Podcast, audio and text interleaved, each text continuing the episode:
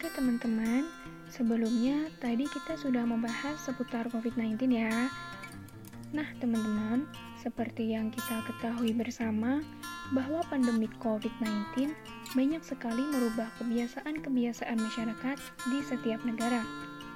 Bahkan ya, hampir semua negara di seluruh dunia, termasuk Indonesia, juga terdampak pandemi COVID-19.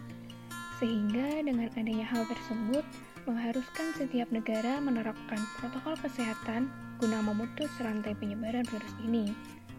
Penerapan protokol kesehatan ini dilakukan dengan cara mencuci tangan, memakai masker, menghindari kerumunan, dan menjaga jarak. Namun, sadar gak sadar nih teman-teman, banyak banget nih kebiasaan yang berubah, termasuk dalam budaya kerja. Hmm, budaya kerja Kira-kira teman-teman tahu nggak sih apa itu budaya kerja?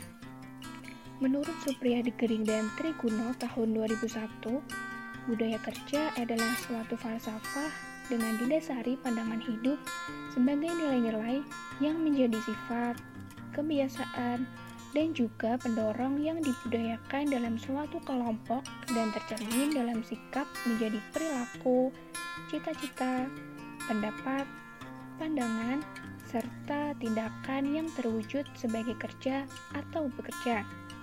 Nah, teman-teman, seperti yang kita ketahui bersama ya, bahwa sebelum COVID-19 menyerang, masyarakat menjalani pekerjaan seperti biasanya, yaitu bekerja di kantor-kantor atau di tempat-tempat yang memang lazim digunakan, atau yang sering disebut dengan work from office atau WFO.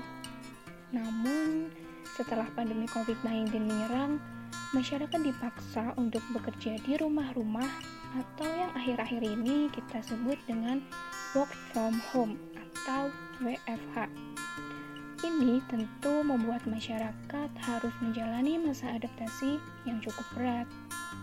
Nah, karena budaya kerja setelah pandemi COVID-19 berubah dari biasanya, di mana masyarakat bisa menjalaninya dengan lebih santai karena bisa dikerjakan di rumah masing-masing.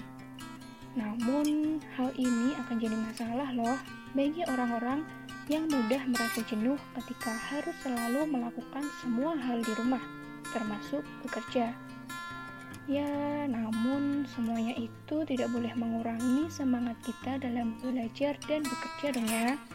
Apalagi di masa-masa seperti ini, banyak sekali loh pekerjaan yang bisa dilakukan di rumah dan bahkan hasilnya luar biasa.